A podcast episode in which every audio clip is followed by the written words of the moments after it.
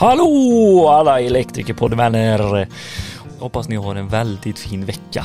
Eh, här sitter jag i min ensamhet eh, uppe i Stockholm. Har pratat med Peter Palmgren på Elma Instruments som är en av våra samarbetspartner här. Väldigt kul får ni lyssna på lite här framöver vad han har att säga och vad Elma Instruments eh, står för och så. Och till dagens avsnitt här nu, då har vi alltså med oss Svenska Elektrikerförbundet, alltså elfacket, elektrikerfacket SEF. Eh, så.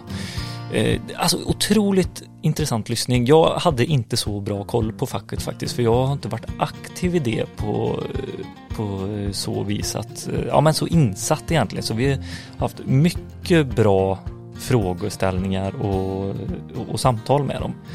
Och det här är en serie som vi har kört med dem och då är första avsnittet här nu, det handlar om facket där Urban Pettersson och Johan Johansson går igenom lite. Vad, vad är det facket står för? Varför finns de och, och hur jobbar de egentligen? Eh, och sen lite senare här så kommer det även förhandling och kollektivavtal med Mikael Karlsson och Stefan från Mårtas El som eh, diskuterar lite hur, hur förhandling går till och varför det finns kollektivavtal och om man ska vara det. Jätteintressant lyssning. Eh, oavsett om man är medlem eller ej så är det här jätteintressant och en stor del av hur, varför det ser ut som det gör idag.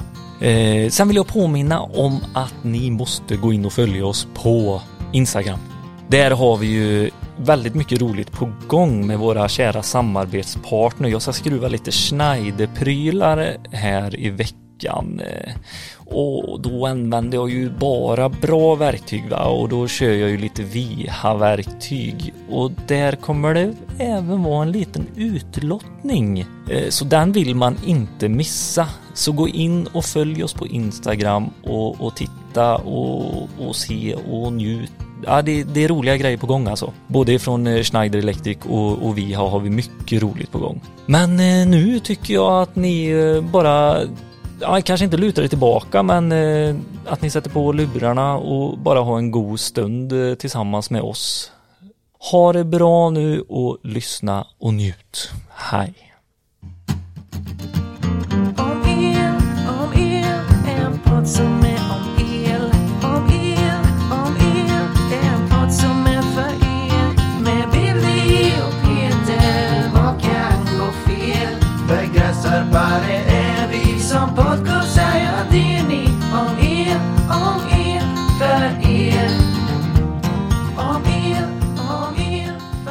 Men kul! Mm. Då, det är alltid konstigt när vi kommer ut till gäster och hälsar er välkomna. Mm.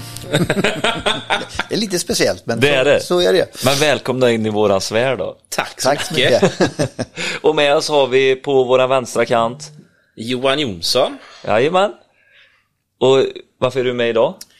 Eh, jag är med idag för jag blir inbjuden av eh, Urban att vara med här.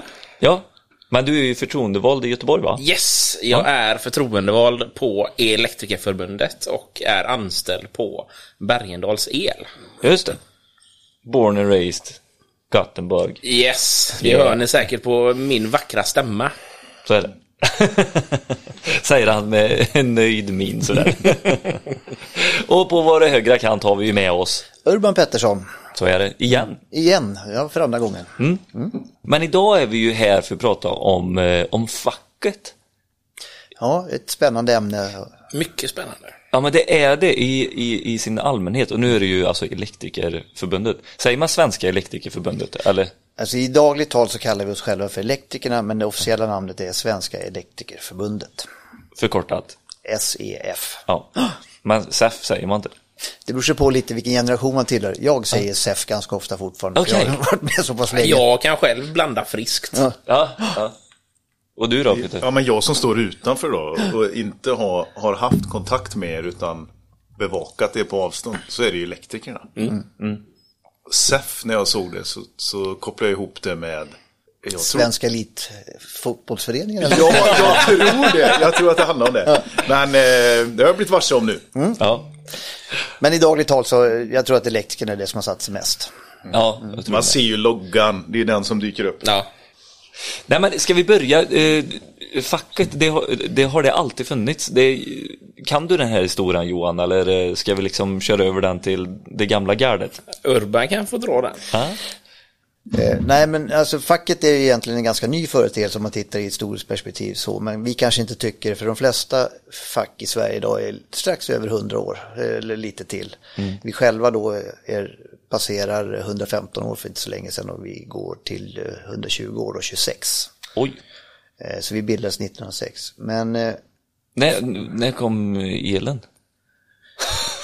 Ja, alltså, Johan. nej, men jag kan säga så här, officiellt så bildades Elektroförbundet 1906, men vi hade en montörsförening som, här i Stockholm som bildades redan på 1800-talet och nu ska jag försöka komma ihåg när det var, men om jag säger att det var 1896 eller 86, någonstans i den svängen, men den levde bara ett par år och dog.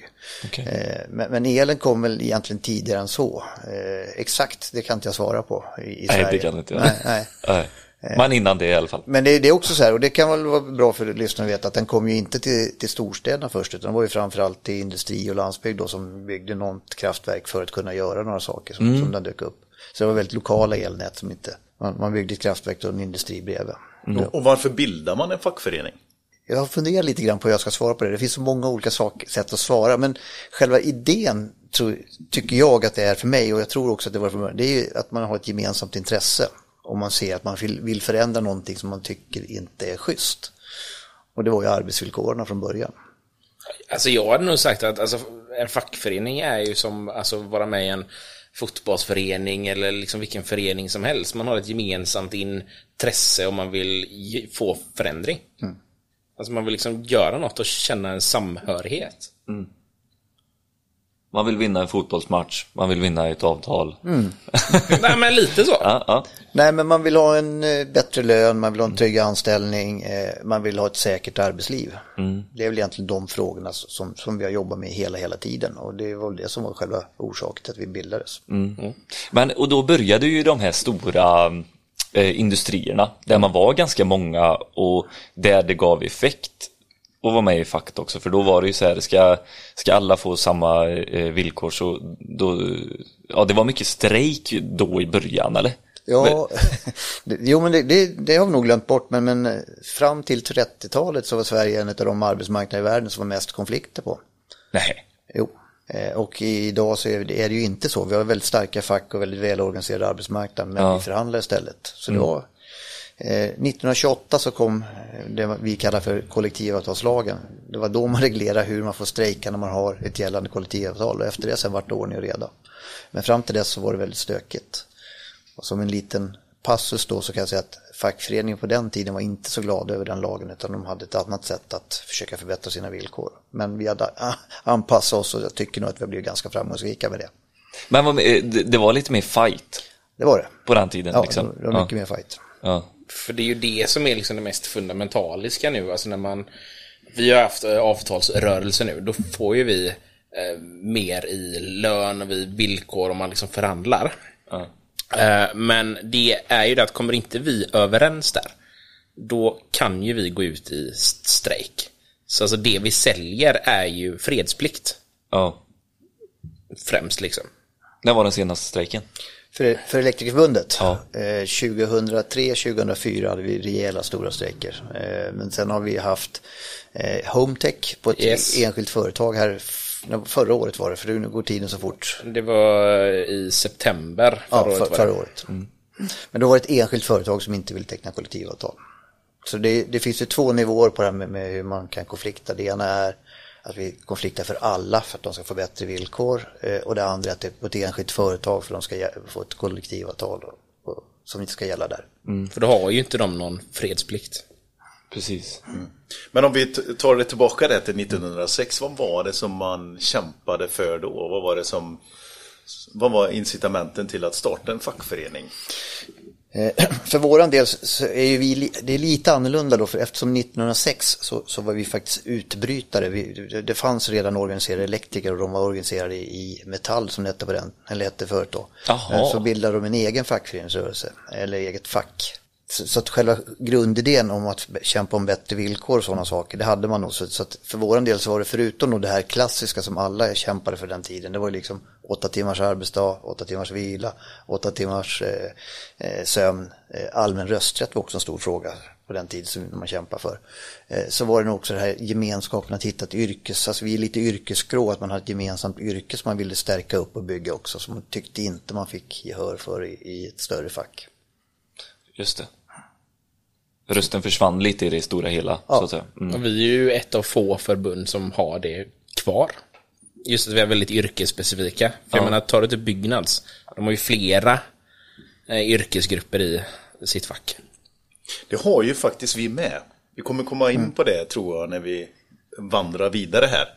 Eh, att vi har ju olika typer av yrkesgrupper och hur vi Ja, det kanske vi har. Vilka som får vara medlemmar. Blir jag nyfiken. ja.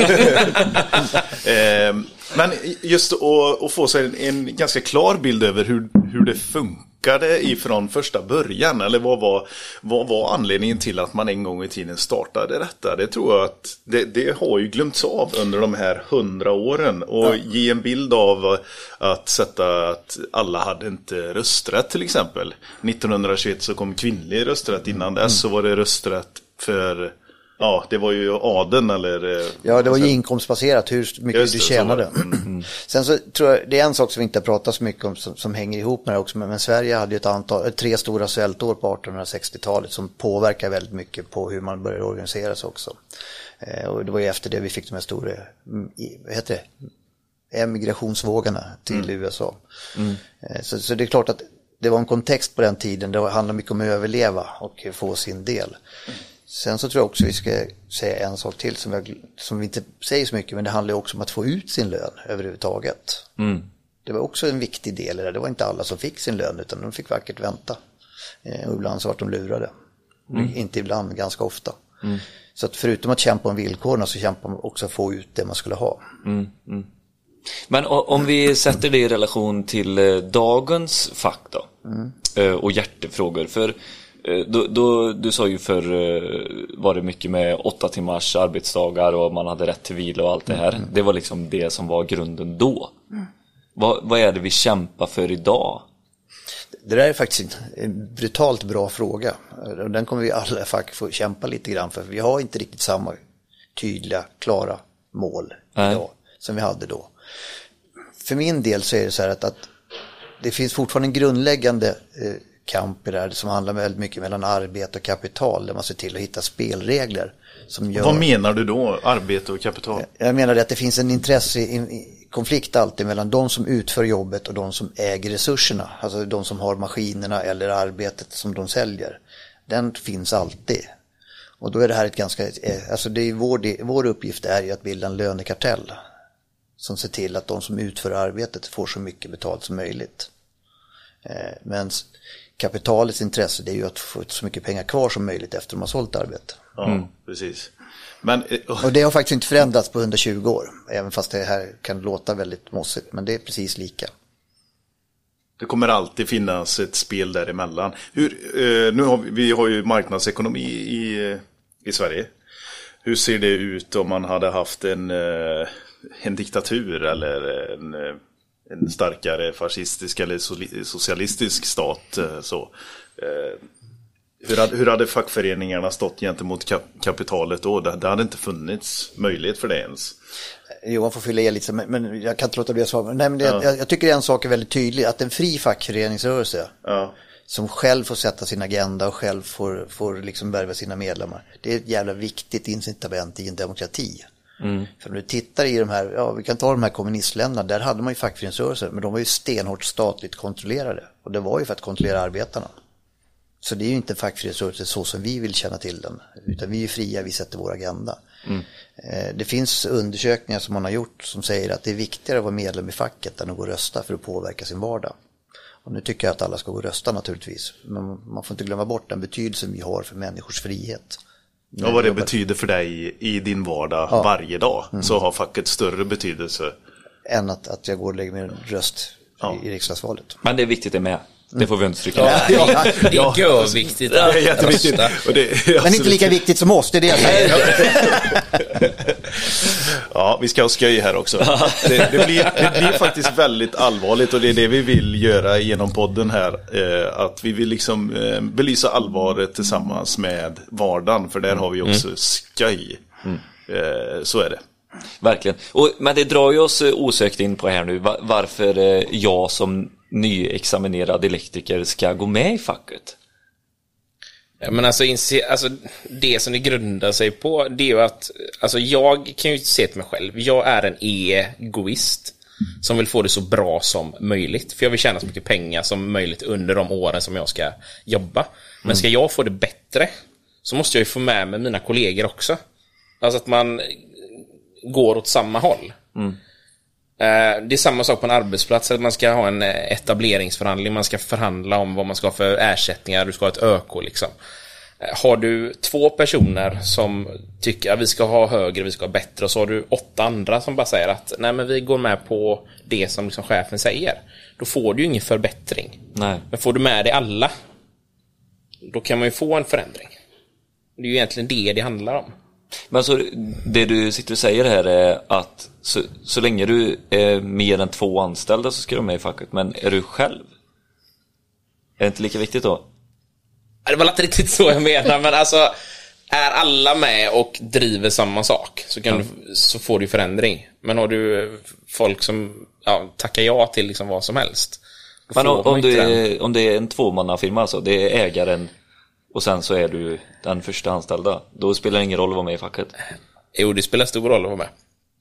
Eh, det gör det. Eh, just främst de argumenten man hör där när man har sådana förhållanden, man är en anställd, gör att "Nej, men jag är ju vän med liksom chefen eller liksom, ja men det är ju min farsa.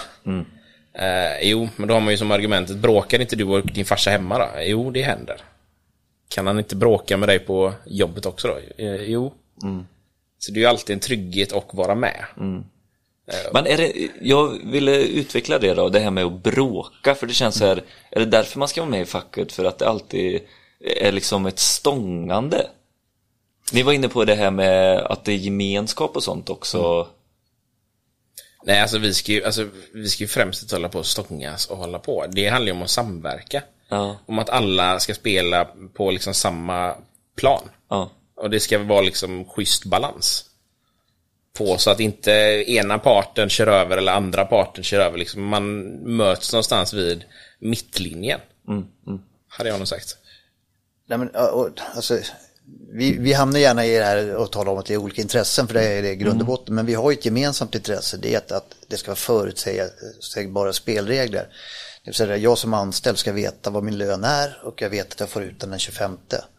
Eh, Och arbetsgivarna har ju ett motsvarande intresse att veta vad deras kostnader är så att de kan ta betalt och se till att företag går runt. Eh, Och, det är ju liksom själva grunden och själva det som ändå sätter parterna tillsammans. Det är att, att vi bygger en förutsägbarhet för alla här som gör att vi konkurrerar på schyssta villkor. Eh, Och det är inte ovanligt att vi har arbetsgivare som ringer till oss och säger, hör du, nu har du ryckt upp någon här och de har inte rätt villkor, då får de åka dit och kolla. Eh, Så de ser ju också nyttan att vilja kunna vara schyssta arbetsgivare genom att se till att leva efter avtalen. Eh, Och då krävs det att vi hjälps åt tillsammans och håller koll på det här och då hjälper de till på det sättet också. Då.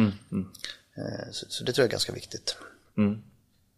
Så främst att vara med i facket, det är att se till att man liksom har de här förhållanden som, som är schyssta. Det är liksom det som är varför jag ska gå med som nyexaminerad. Nej, men det finns så många olika varianter på det här.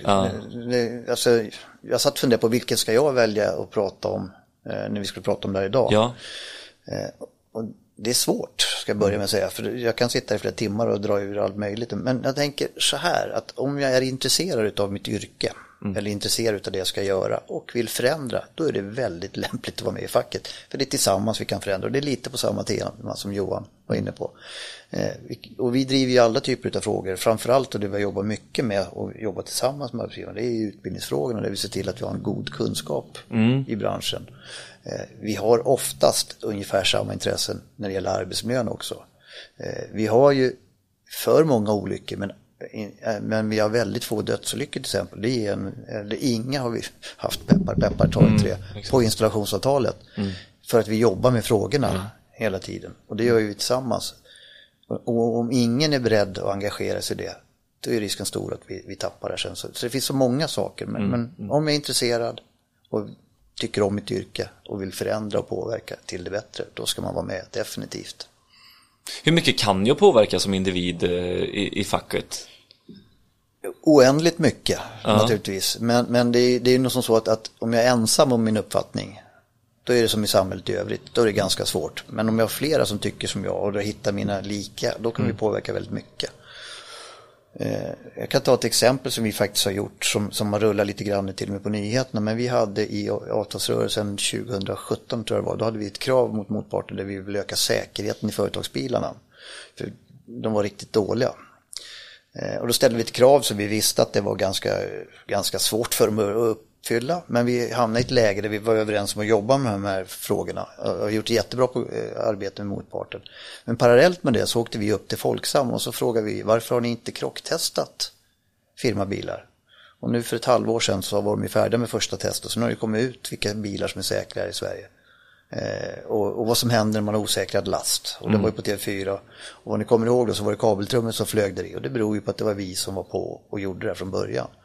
Eh, och det hade vi aldrig klarat av om inte vi hade haft medlemmar som talade om att det här är farligt, det är ett bekymmer så vi visste att vi behövde driva frågan. Mm. Mm. Och då var det, det började med en individ som lyfte den här ja. frågan? Mm. Det är så det började från början. Ja.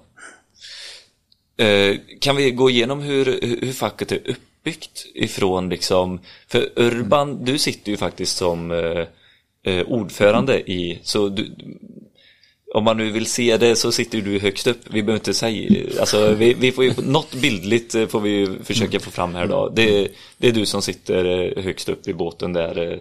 Och, Ta oss ner till den enskilde montören. Precis, mm. hela vägen.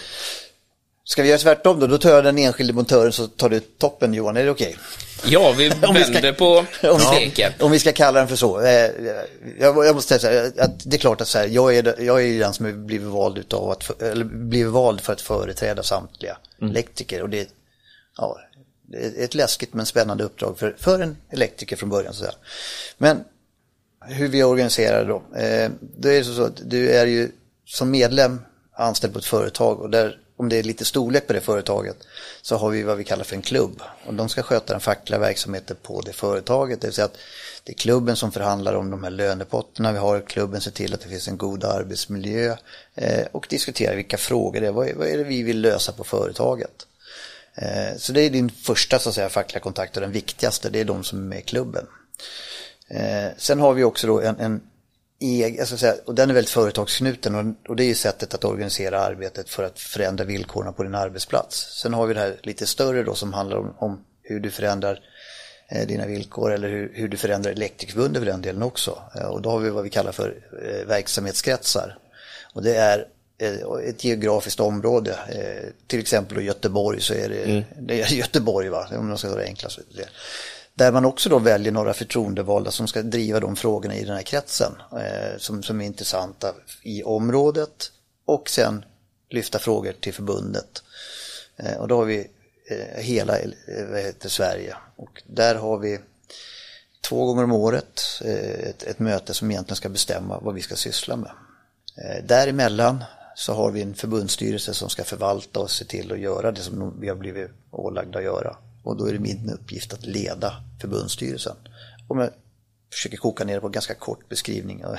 lite schematiskt. Mm. Det finns många vinklar att bråka på. Men jag tänker ja, och det, det, är väl det här som kan kännas just i dagens samhälle, att man hamnar ganska långt ifrån. Att man liksom är som montör, man går där nere och verkar. Mm. Och så ser man eh, toppen någonstans i Stockholm. Mm.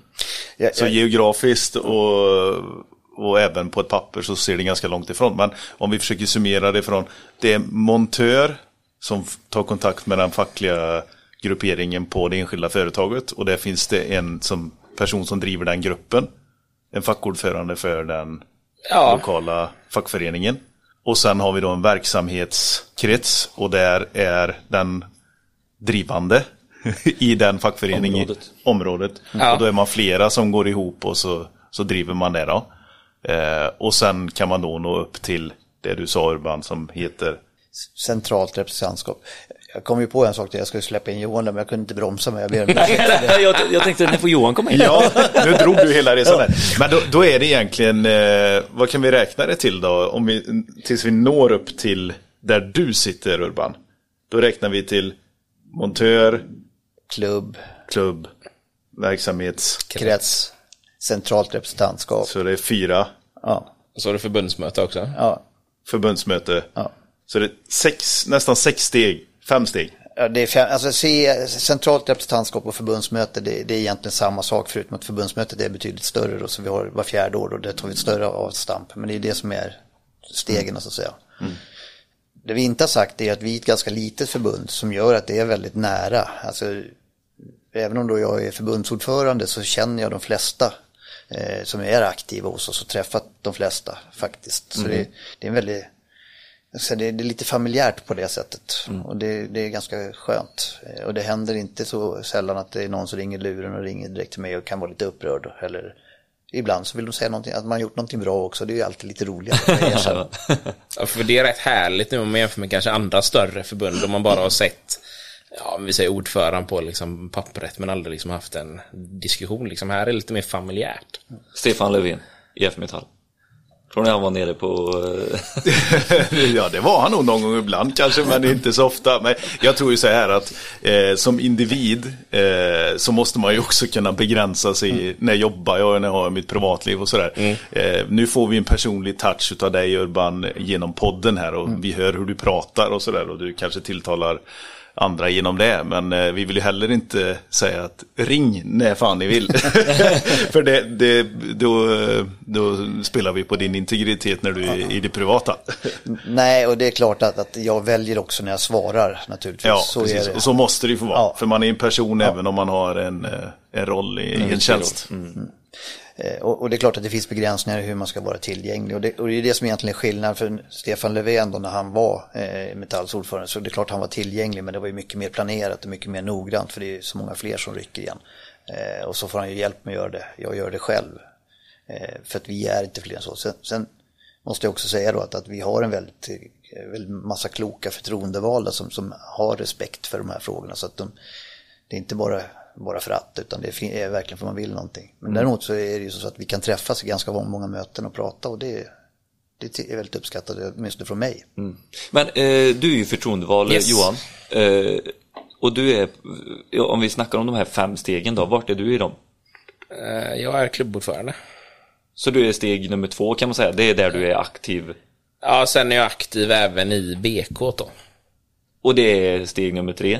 Om vi pratar i de här stegen, Ja. det är ganska lätt att förstå. Sen liksom. sitter jag även i eh, centrala representantskapet. Det är alltså nummer fyra också? Ja. Ja, Okej, så två, tre, fyra. Ja, Och så är du ju även nummer ett, montör och medlemsfacket. yes. Det stämmer bra. Men det man måste belysa också, alltså det här med våran för förening. Det är ju att det här med CR, det är ju där vi sätter besluten med vad vi ska göra, vad vi ska fokusera på. Och det är ju medlemmarna som bestämmer och väljer sina representanter. Så att vill de att vi ska syssla med Alltså vilken inriktning vi ska ha, det kan vara liksom vad som helst. Det kan vara vad vi ska ha för medlemsavgift, vad vi liksom ska ha. Det bestämmer ju medlemmarna med representativ demokrati. Så det är ju inget som vi gör som egentligen är hugget i sten. Det kan ju förändras liksom. Skyddsombud tänkte jag på. Vart kommer de in i det här?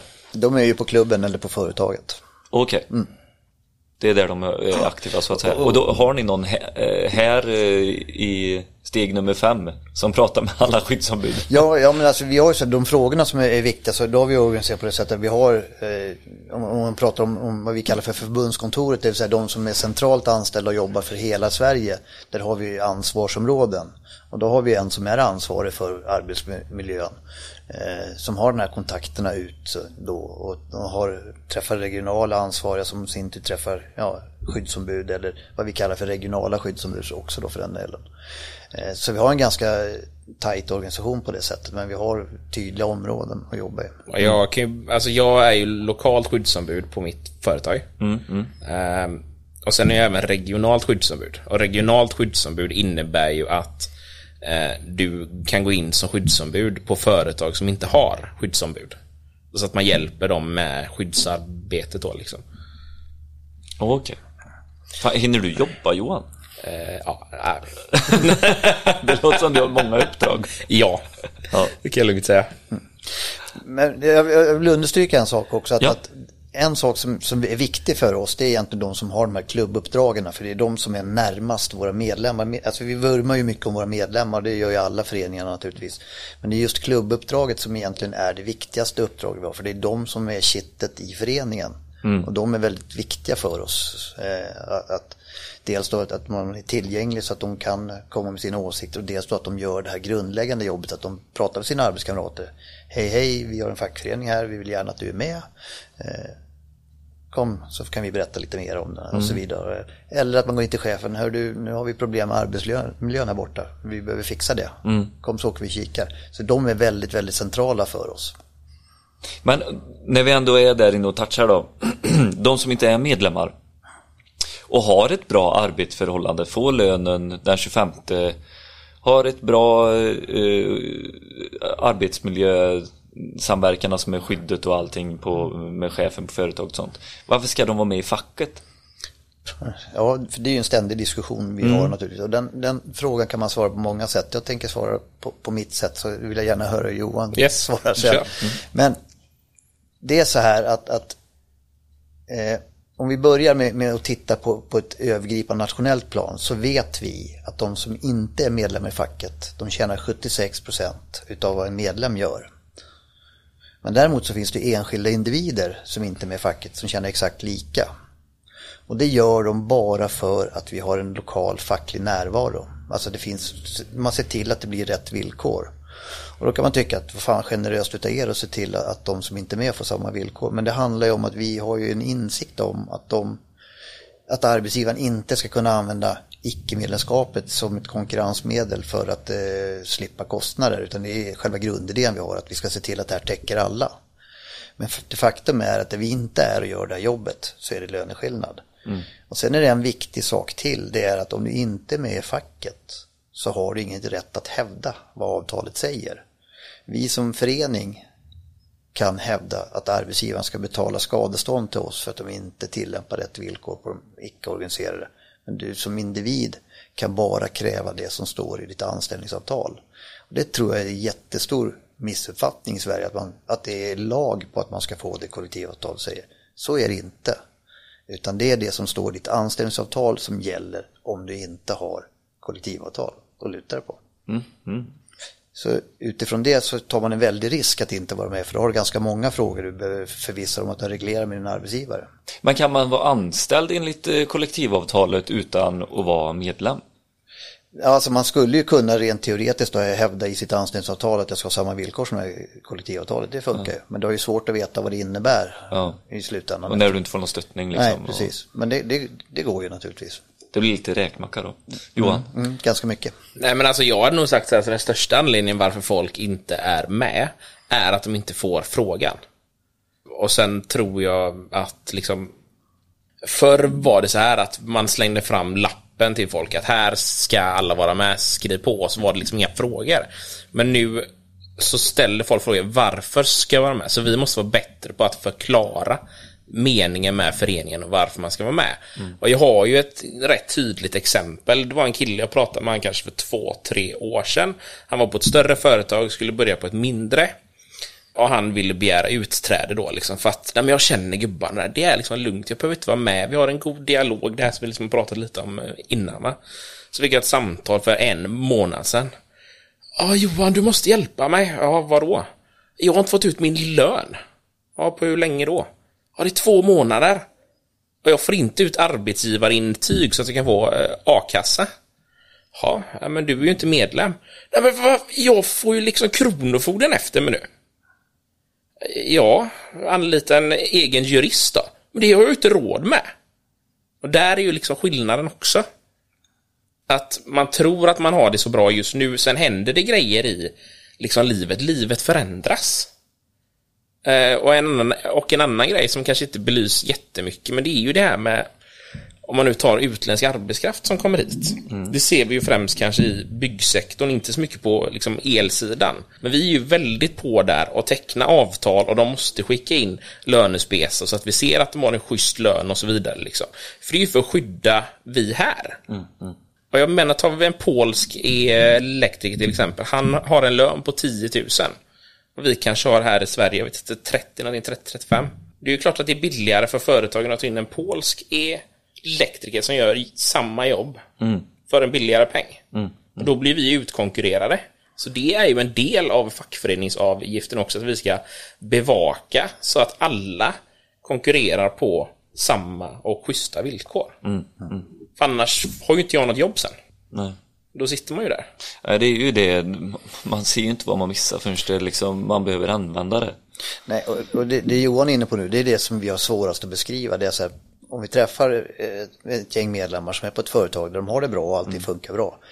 Eh, då, då är det ju liksom lugnt. Det de inte ser då är att vi försöker skydda deras villkor så att deras arbetsgivare kan fortsätta med de här bra konkurrensläget någon annans.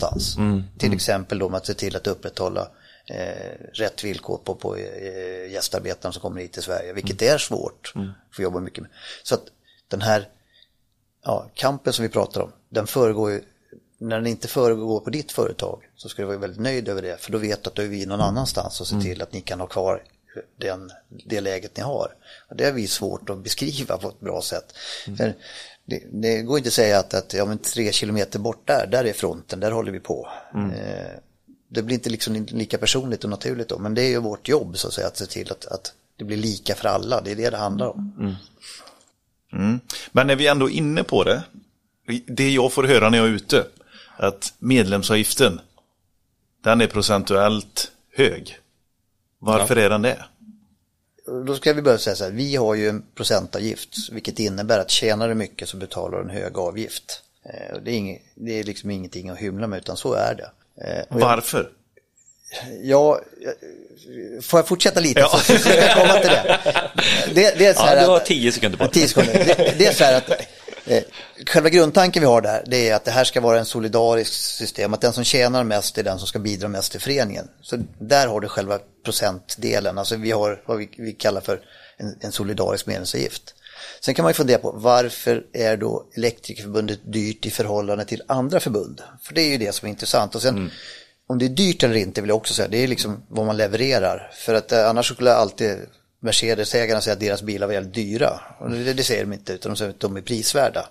Eh, Så det tror jag vi också vill hålla med lite grann att vi tycker att vi är prisvärda. Men, men en av orsakerna till att vi behöver ta ut en hög medlemsavgift, eh, det är att vi är en, en, en förening som verkar på en arbetsmarknad där vi har väldigt många små arbetsplatser. Medlemmarna är väldigt, väldigt splittrade. Man är sällan på företaget. Vilket gör att vi har svårt att göra som till exempel då, om vi tar papper som är extrem i andra änden, att de har en arbetsplats där kan de verka och där kan de träffa allihopa på samma dag i princip om de går på ett helt dygn. Eh, Så vi är utspridda och det har gjort att vi har kommit underfund med historiskt sett att det, det bästa sättet för oss har varit att ha ganska mycket ombudsmän, eller vi har väldigt mycket ombudsmän för att kunna företräda medlemmarna. Att vi också då har lämnat från det här själva uppdraget till någon annan och det kostar pengar. Eh, så det är väl egentligen den, den själva huvuddelen varför vi är dyrare, för vi har mer ombudsmän, det är lättare att komma i kontakt med dem. Eh, vi har en strävan naturligtvis att vi vill ha mer verksamhet på klubbarna. Eh, Och det skulle ju kunna göra att om vi lyckas med det så kanske vi kan övergå till mer vanlig facklig struktur med, med lagom eller färre ombudsmän per medlemmar så att säga och fackklubbarna som kan eh, vad heter det, företräda dem. Och då betalar ju arbetsgivaren det. Men det har vi inte riktigt lyckats med just utifrån att, att man är inte nära firman utan man är ju någonstans ute och man är på sin arbetsplats och behöver ha någon som gör det.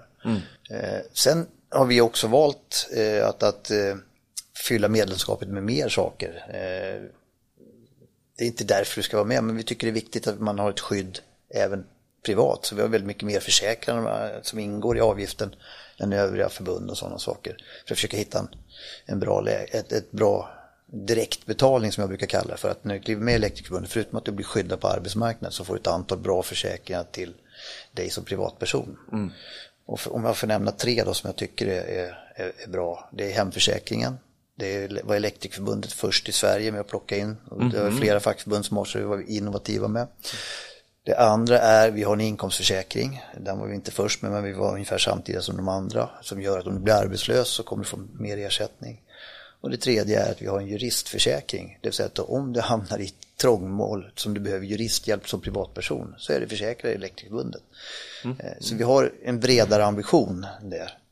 Men det är ju liksom lullull. Det är, det, är, det som det är gräddet på moset ja, lite sådär. Det är, yes. det, det, är inte det som är föreningen, men, men vi har valt att göra det för vi, vi ser fördelen att göra saker tillsammans. Vi vill tänka kollektivt och det hänger ihop. Mm.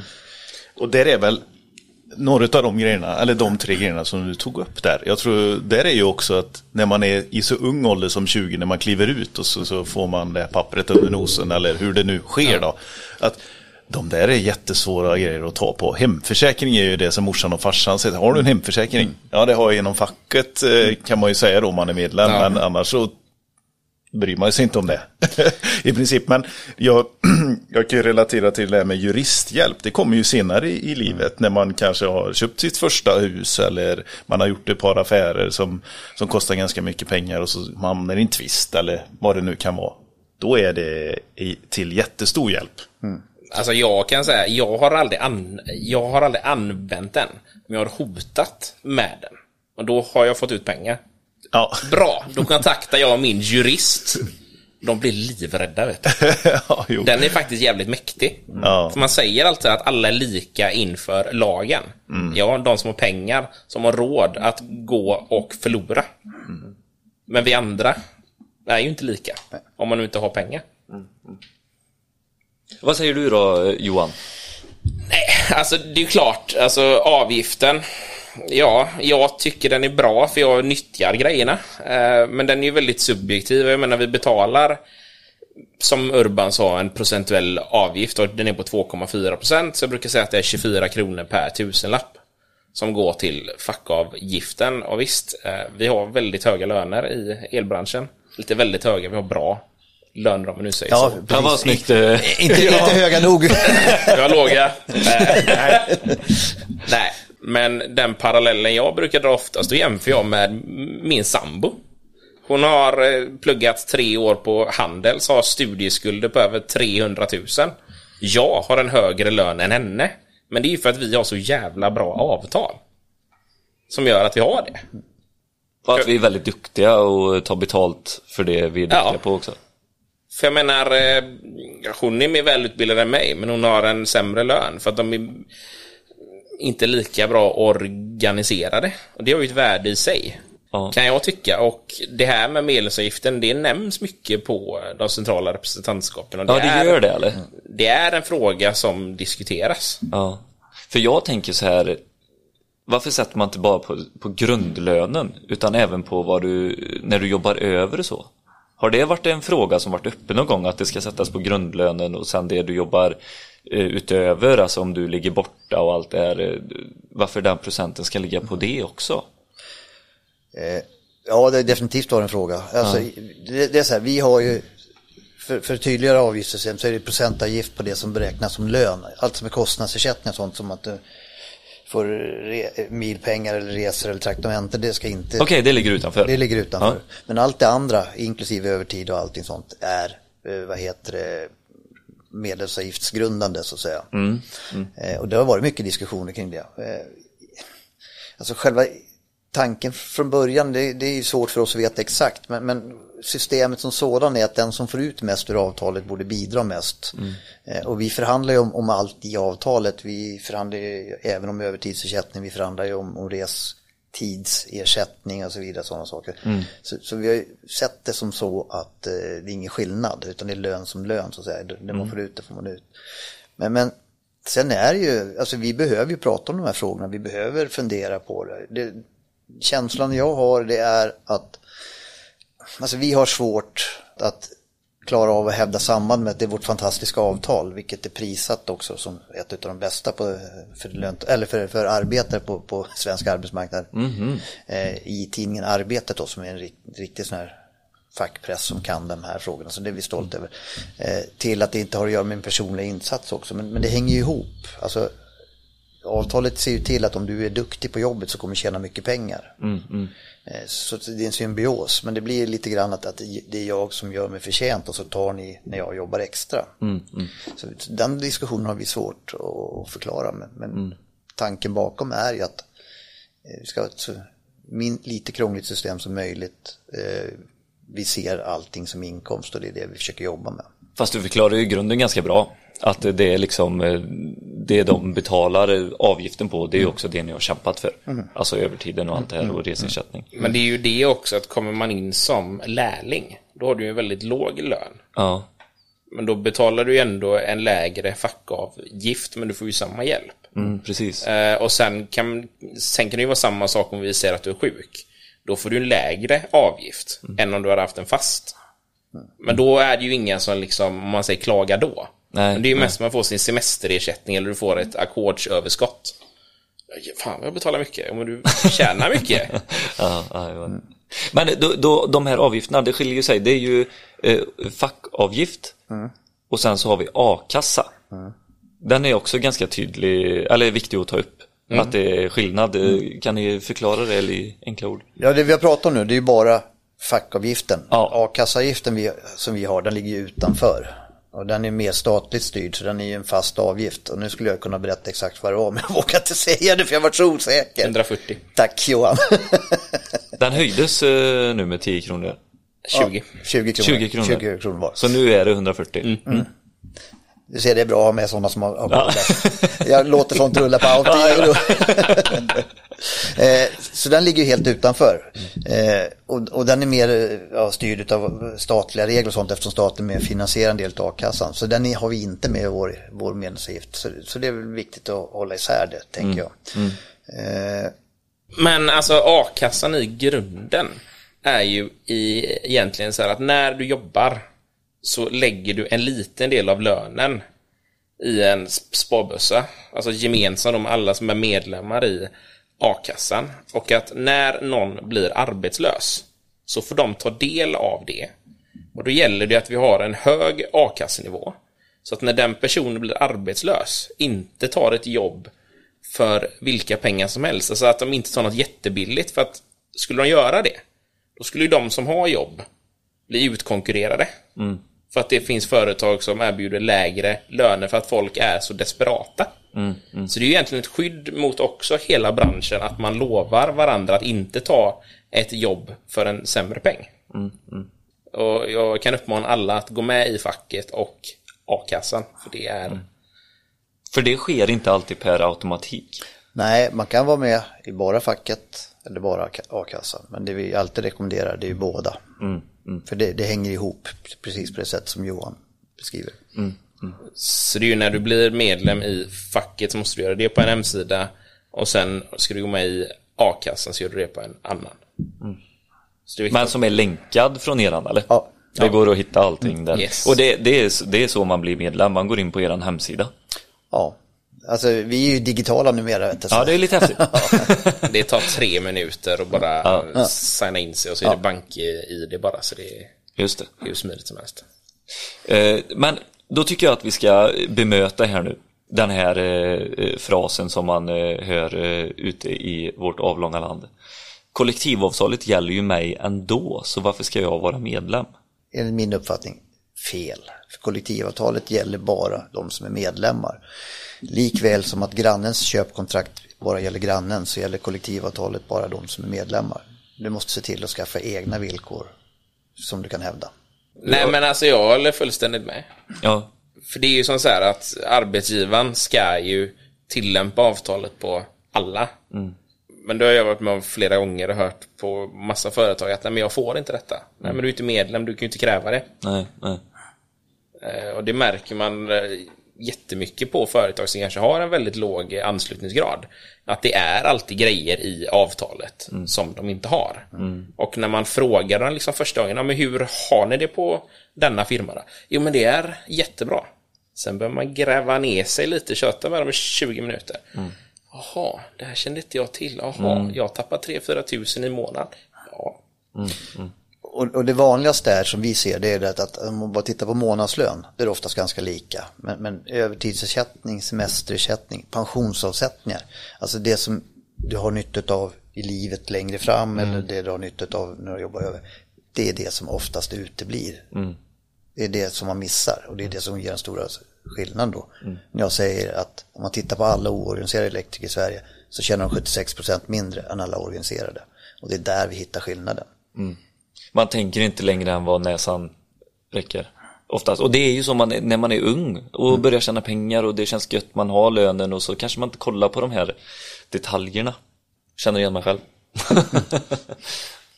nu när vi har nu suttit här och snackat om alltihopa och det har varit eh, både historia och och varför fackföreningarna har startat en gång i tiden. Alltså vi, vi är tillbaka hundra år i tiden. Och de incitamenten till varför man inte, eller varför man startade då, är inte samma som idag. Så det har vi gått igenom lite grann och Johan du har förklarat en del av det och Urban du har ju absolut fyllt i ja, så är det väl. ja. Men det är ju så här att eh, det är fortfarande killar idag som, som väljer att inte gå med om man har en bra arbetsvardag och sådär. Och det är därför som vi vill göra detta. Och Billy, hur, hur, känner du? Du är ju faktiskt inte, nu är du arbetsledare och projektledare så du är ju inte medlem i, i eh, facket. Och du beskrev en situation där, där ni har ett bra kollektivavtal och inte behövt eh, vara med i facket. Eh, så hur, hur, känner du inför det vi har suttit och pratat om här nu? Nej, men jag känner mig lite som det eh, svarta fåret eh, som har glidit med på en räkmacka, faktiskt. Och jag hade ju mitt eh, anställningsavtal, alltså att vi går enligt kollektivavtalet. Och därför har jag aldrig känt att jag aktivt behöver söka ett medlemskap.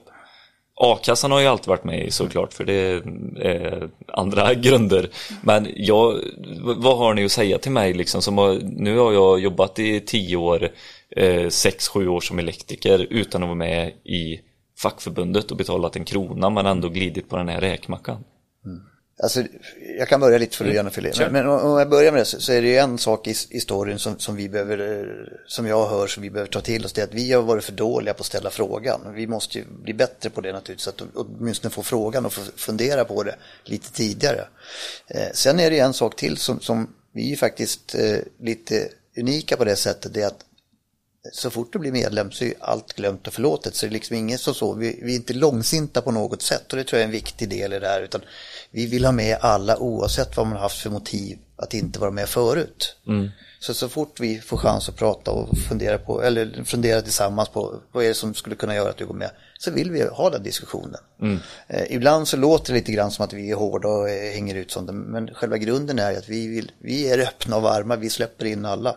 Eh, så förhoppningen är ju att, att den här diskussionen vi har haft idag får du tänka annorlunda så att säga. Mm. Men då tänker jag på en grej som jag hör ute. Eh, och det, då är det ju mer, för du är härlig att prata med Urban och lyssna på. Så du kommer med insikter och så, inte för att hylla dig, men det är, det är ändå skönt att sitta och snacka med dig.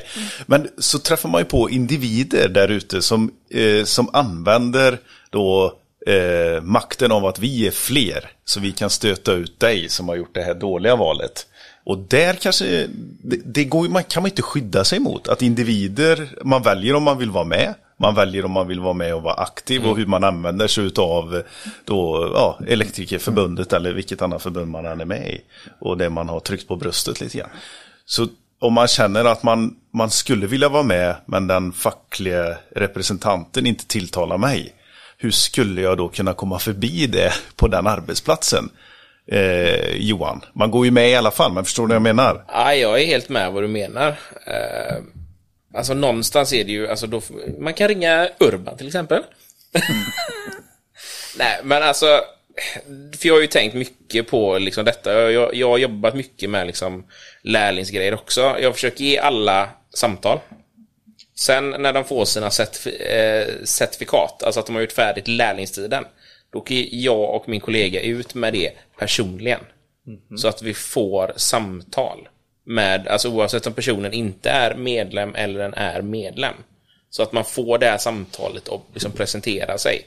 Så att ingen ska kunna säga att jag har aldrig träffat facket, facket har aldrig gjort något för mig.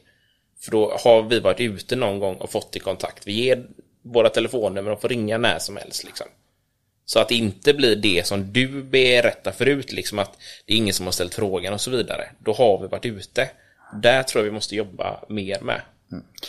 Jag, jag tror en sak är viktig att komma ihåg, att, att vi är en fackförening och det är många olika människor som är här. Och det är klart att vi har lite olika sätt hur vi uppträder och hur vi agerar. Eh, det som är viktigt att komma ihåg det är ju att, att, att vi är ju en fackförening tillsammans. Och är det som så att du har svårt för någon företrädare så finns det andra företrädare som du kanske skulle kunna ha en bättre dialog med. Eh, och det finns ju möjlighet att prata med dem också. Så, så fastna inte på en person. Vi, det är faktiskt ganska vanligt att det blir så att det är någon som i någon situation har uppträtt lite klumpigt eller kanske varit lite burdus eller gjort någonting sånt eller, eller sagt fel saker, kanske inte förstått situationen. Det, det händer lite då och då. Mm det, det, är ju mänskligt att göra sådana fel och då är det viktigt att inte koppla ihop det med organisationen. Vi jobbar hela tiden för att bli bättre på det här. Eh, och, och, samma person som kanske är eh, kritiker, eller häftig kritik i ett läge kan vara jätteomtyckt i ett annat läge. Så, mm. så, det är viktigt att komma ihåg att facket är inte en person. Facket är ju inte, Svenska Elektrikerförbundet är inte Urban Pettersson. Mm. Utan det är alla våra medlemmar tillsammans. Mm. Mm. Grymt bra killar. Och gubbar eller? Ja. nej, nej, nej, nej. Jag ska inte, jag ska inte måla ut dig Johan som äldre herre. jag är faktiskt bara 26 så. Ja. Nej men jag tycker vi har fått en skitbra bild av eh, vad, vad facket står för och vad, vad, är grunden till detta och alltihopa. Och eh, vi, vi har ett gott snack, vi har ett gott samtal och ni har eh, fått framföra jag tror än mer på ett lättsamt sätt mm. till de som eh, har haft svårt att förstå varför. Så tack så hemskt mycket eh, Urban. Jag vill att eh, du skryter lite om eh, hur det gick i sista, senaste undersökningen om vart fackförbundet står. Ja, du tänker på den undersökningen Sifo Qatar gjorde? Jajamän. Ja, vad härligt att jag fick den frågan. Det är så här att eh, bland LO-förbunden så är Svenska Elektrikerförbundet det som har högst anseende eh, bland alla LO-förbund. Eh, vi ligger väldigt högt på den listan överhuvudtaget så vi är på topp, vad är det, 20 tror jag vi är på. Och vi har ökat vårt anseende med två hela punkter som förra året och det tycker jag är lite, lite roligt faktiskt att få göra det. För då gör vi ju någonting rätt i allmänhetens ögon också. Vi har pratat mycket om de som är i branschen men det här är, är ju hur vi ser ut i samhället. Ja, precis. Med anseende menas eh, Ja, förtroende. Hur, hur man uppfattas? Ja, eller? hur man uppfattas ja. om man, om man, och vad man gör, hur man uppfyller, jag ska säga, uppfyller sitt uppdrag och så vidare. Ja. Så det är många sådana här Ja, men det... Högt anseende är bra, det tänker jag. jag tänker det med. Men jättekul, så, och är det så att man inte har det här förtroendet för din eh, förtroendevalda på just där du jobbar, då ta kontakt med en annan i facket för att fråga och alltså det handlar om personkemi också, mm. så var inte rädda för att gå vidare och, och fråga själva. Det är ju för ert bästa individen alltså som det finns. Så är det. Ja, och, och det, om du tycker om dina medmänniskor så är det bästa du kan göra det och be dem gå med i facket. Ja. Det är bästa sättet att skydda dem. Tack så jättemycket för detta samtalet. Tack själv. Supermysigt. Tack själva.